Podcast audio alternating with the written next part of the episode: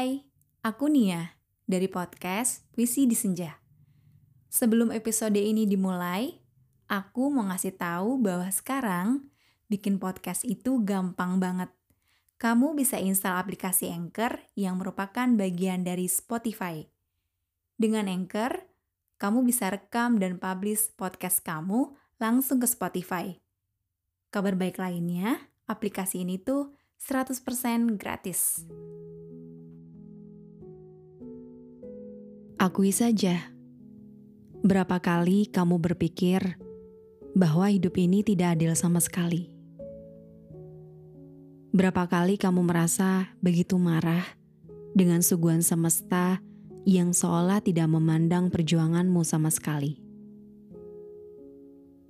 Berapa kali kamu merasa begitu lelah dan lemah sehingga berpikir tak akan sanggup bangun lagi esok hari. Terkadang hidup memang sekejam itu, bukan? Di satu titik, kamu hanya bisa duduk terpengkur di pinggir jalan, memandang lalu lalang orang lain, dan merasa iri. Sebab mereka masih sebegitu semangat mengejar apa pun yang sedang diinginkan.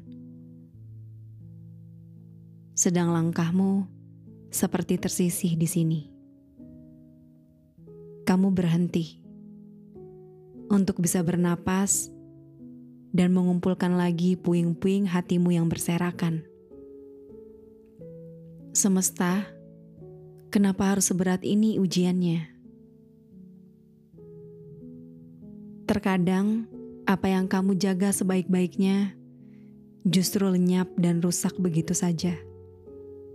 Sakitnya membuatmu merasa tak layak hidup di dunia. Banyak yang bilang bahwa kamu akan menyadari arti sesuatu atau seseorang setelah seseorang atau sesuatu itu pergi. Tapi kamu tidak demikian. Ada hal-hal yang sudah kamu sadari harganya dalam hidupmu, dan ingin kamu pertahankan sebaik-baiknya. Segala cara kamu coba untuk menjaganya namun setelah semua usaha itu, mendadak apa yang kamu jaga sebaik-baiknya pergi, lenyap, dan rusak begitu saja.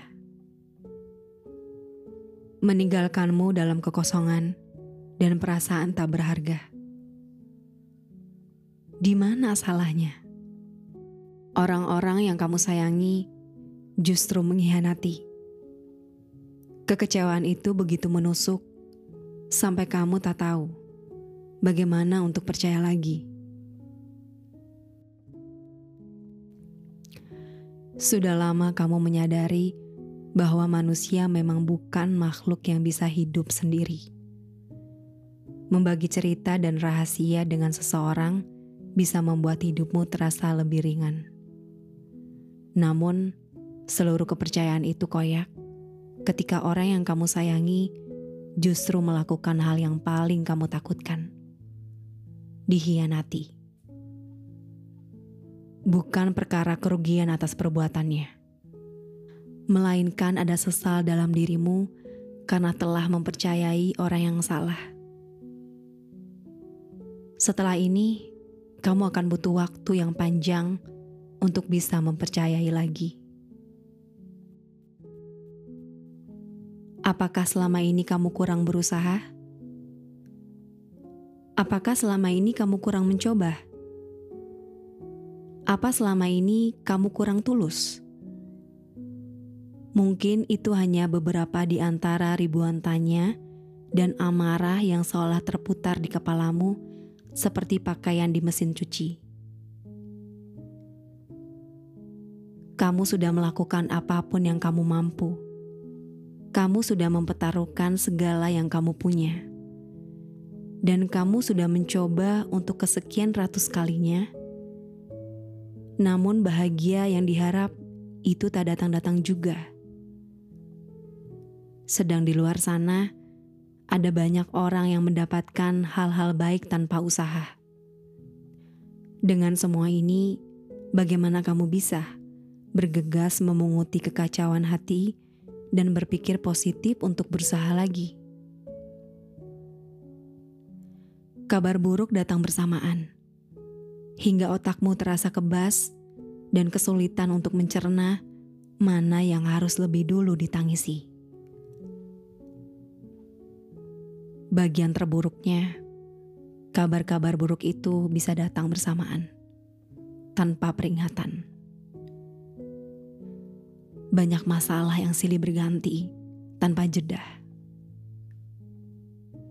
Tapi kamu masih yakin Tuhan tak akan menguji umatnya di luar batas kemampuan.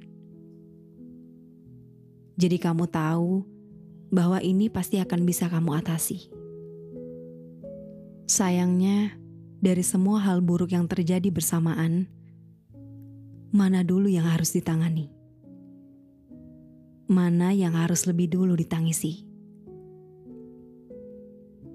Hidup memang sering kali mengecewakan. Kekejamannya menusuk sampai ke tulang, hingga kamu bertanya-tanya, bagaimana caranya bertahan. Hidup memang sekejam itu